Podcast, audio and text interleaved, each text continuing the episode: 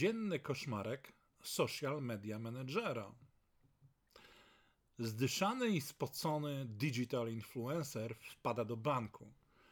Ma zły humor, a tu kawa zimna, klima nie działa, wafelek przeterminowany i ma ostatni numerek. Na dodatek w jego oczach personel pokładowy rusza się jak leniwiec na urlopie. Kasę wpłacić chce. Dorwawszy się do stolika, cedzi tak, by wszyscy go słyszeli. Przecież znany jest. Twarz na wszystkich YouTubach wypolerowana. H-rank na, H-rank na fejsie taki, że mucha nie siada.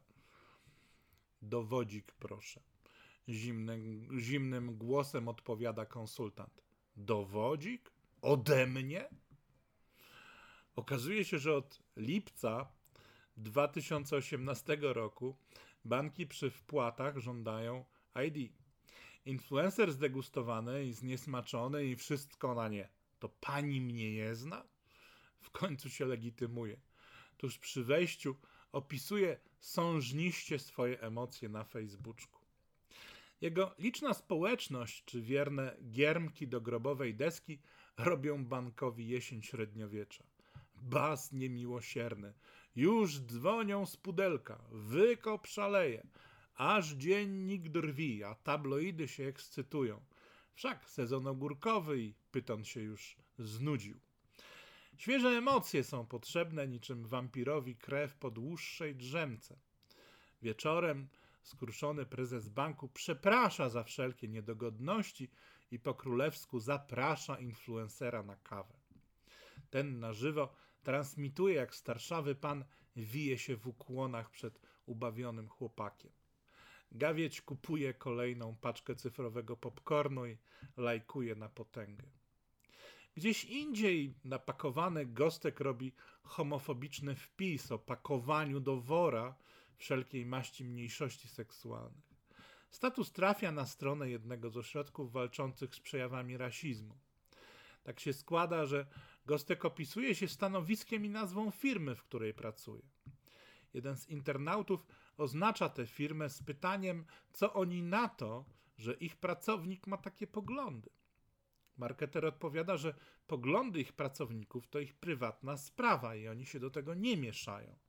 Co mają ze sobą wspólnego oba przypadki? Bardzo wiele. Czy twój profil społecznościowy jest wyłącznie osobisty? Jakim zakresie Twoje prywatne poglądy, aspiracje, konkluzje czy oświadczenia są prywatne, a na ile reprezentują firmę. Czy firma ma prawo wpływać na swoich pracowników, by zachowywali swoje poglądy dla siebie?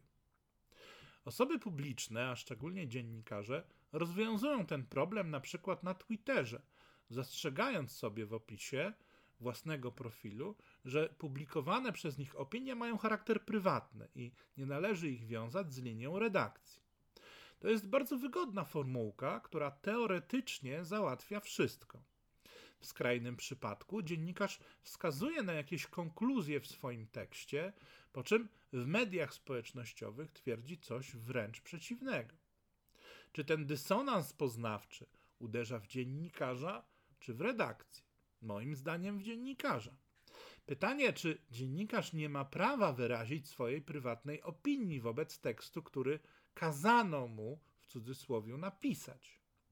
Chyba tutaj nie rozwiąże tego dylematu. Niemniej pozostaje kluczową kwestią, w jakim świetle dziennikarz w takiej sytuacji stawia swoją markę osobistą i markę wydawcy, czyli struktury, która płaci mu pensję. No proste.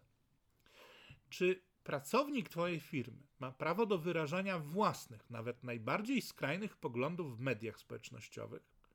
Moim zdaniem ma. To wszystko idzie na jego konto. Niemniej społeczność w takiej sytuacji, poza wyrażeniem swojego niezadowolenia wobec autora, przeniesie swoje emocje również na markę, pod jaką się podpisuje. Takich sytuacji było już paręnaście a słynnym tropicielem hejterów był tutaj Jarosław Kuźniar, który z dociekliwością dziennikarza śledczego wskazywał z imienia i nazwiska i firmy współczesnych burzycieli spokoju. W wielu sytuacjach popełniano błędy techniczne, ktoś nie wylogował się z firmowego profilu, wrzucił nienawistny status, a potem uważał, że to nie on. Ale jak wiadomo, w sieci nie dość, że nic nie ginie, to sieć nie zapomina i nie wybacza. Naród kupował kolejną po porcję popcornu i bas się niósł jak Polska długa i szeroka. Natomiast szefowie firm, którzy są często niezwyczajni społecznościowych obyczajów, wobec siejących zamieszanie, przyjmowali czasami pozę spokorniałych, gotowych czapkować im po wypolerowanych marmurach. Oczywiście ku uciesze gawiedzi i samego influencera. Niewielu stać było podjąć rękawice tak niczym Marcin Gruszka, rzecznik Playa i pokazać jak przy pomocy kartonika rozwiązywać problemy klientów.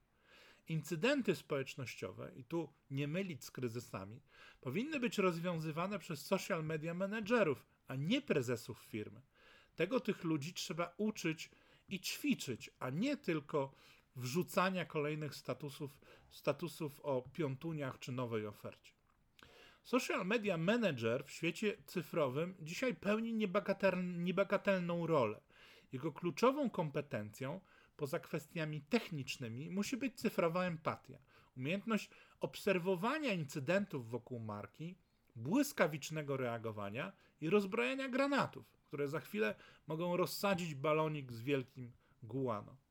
Każdy, kto kiedykolwiek obserwował baz w sieci, wie, jak błyskawicznie roznoszą się takie przypadki. Gdy tabuny troli i hejterów z grillowania marek w błyskawicznych shitstormach uczyniły sobie z tego prawie sport narodowy. Tymczasem w wojnach z trollami i hejterami social media manager musi być gotowy zarówno na szybkie potyczki, na obronne kampanie, czy również na wielodniowe oblężenie. Tego nie uczą na konferencjach za trzystówki. Tego się nie przeczyta w poradniku młodego sociala, ani żaden social media guru nie zdradzi swoich tajemnic. Tutaj po prostu kluczem jest empatia i praktyka oraz rozumienie psychologii sieci. O ile prowadzenie samego profilu społecznościowego można powierzyć studentom wynajmowanym przez agencję, o tyle incydenty w sieci uderzające w markę są o wiele poważniejszą sprawą. Czym może zakończyć się korzystanie z nieprofesjonalnych usług w tym zakresie? No to na przykład dotknęło ci Sowiankę. Ja to opowiadałem, e, opisywałem we wpisie na blogu z gębą na, na pączki. Sytuacja, w której marka jest wezwana przez społeczność na dywanik w niezręcznej dla siebie sytuacji, często budzi to chaos i pewien popłoch. Nikt nie wie, jak zareagować, czy w ogóle reagować, w jaki sposób, jakimi siłami, środkami i czy przypadkiem nie walimy z armaty do komara. Inni całkowicie lekceważą social media, wychodząc z założenia, że a byle marki nie, nie, nie pomylili. Są i tacy, którzy w swym dziwacznym rozumieniu społeczności uważają, że hejt jest w zasadzie fajny, a nie jest fajny i nie ma się go wcale co obawiać. Co robić w takiej sytuacji? No, jeśli nasz pracownik pozwala sobie na wpis budzący silne kontrowersje, jest na dodatek oznaczony marką na swoim profilu. Moim zdaniem reakcja odcinająca się od poglądów tego pracownika jest ze wszech miar prawidłowa. Niech każdy buduje sobie markę osobistą na własne konto. Oczywiście nie ma co bawić się w jakieś dalekosiężne oświadczenia, konferencje prasowe czy inne cudawianki. Social Media Manager odcina się od takiej wypowiedzi i tyle, bez zbędnych emocji. Potem warto z tym człowiekiem po ludzku pogadać. Najlepiej w palarni, czy w miejscu, gdzie pękają wszelkie firmowe emocje i szczerość przebija przez ścianę. Nieformalnie, po prostu w cztery oczy. Nikt mu bowiem nie zabrania posiadania prywatnych poglądów czy wierzeń, ale to, co robi po godzinach pracy, to też jest jego sprawa. Jednak pod jednym warunkiem: nie miesza w to marki, w której pracuje. To tak jak demonstranci. Wypisują na transparentach dowolne hasła, ale nie umieszczają tam logotypów, firm, w których pracują. Jeśli jednak już, to muszą mieć świadomość, że firma może sobie tego nie życzyć jeśli ich komunikacja będzie rykoszetem uderzać w markę. Dlatego tutaj warto zaproponować pracownikowi, że niech sobie pisze, co mu się żywnie podoba, ale niech wywali z opisu markę firmy, w której pracuje. Jeśli jednak już się nią posługuje, to niech zaakceptuje prostą zasadę neutralności. Jeśli już musisz wyrażać swoje skrajne poglądy, to nie rób tego na profilu publicznym. Ludzie bowiem zawsze pośrednio będą postrzegać markę, a nie tylko autora kontrowersyjnych słów. Historia zna wiele przypadków, kiedy sponsorzy rezygnowali ze współpracy z osobami, których publicznie deklarowane poglądy budziły społeczne emocje. Tak jest zawsze w przypadku homofobii, rasizmu czy faszyzmu. Takim przypadkiem w 2015 roku była chociażby rezygnacja ze stanowiska szefa Sachi Sachi Kevina Robertsa po opisaniu jego opinii, wpisaniu jego opinii na temat różnorodności płci. Marki z racji kierowania się przede wszystkim wartościami biznesowymi nie chcą być bowiem wplątywane w spory polityczne, czy religijne, czy światopoglądowe. To jest całkowicie normalne. A przed erą mediów społecznościowych było to kom kontrolowane kompetencjami public relations czy rzeczników prasowych. Niemniej we współczesnym biznesie, gdzie jedno nieopatrzne słowo może doprowadzić do nurkowania cen akcji, to jest naprawdę szczególnie ważne. Natomiast media społecznościowe umożliwiły pracownikom firm zabieranie głosu we wszelkiej maści sprawach, wplątując w to przede wszystkim nazwy marek i organizacji, w których pracują. To z kolei oznacza, że nawet nieduże zespoły powinny mieć jasność w zakresie polityki social media. Duże organizacje wydają w tym zakresie swoje własne rozporządzenia czy dyrektywy. W małych firmach najważniejszą rolę pełnią właściciele firm, którzy po prostu rozmawiają ze swoimi ludźmi. Prawda też jest taka, że firmy, w których pracownicy doskonale się czują, raczej nie mają problemów z wybuchaniem granatów wewnętrznych. Niech sobie każdy pisze co chce, ale ze świadomością, że robi to wyłącznie na własne konto. Tak jak wydawca odpowiada za to, co publikuje, a dziennikarz za to, co pisze, tak jak i każdy z nas ponosi odpowiedzialność za słowo. Puentą niech będą słowa Chrisa Nidentala. Cytuję: Granicą tolerancji jest brak tolerancji dla nietolerancyjnych. Koniec cytatu.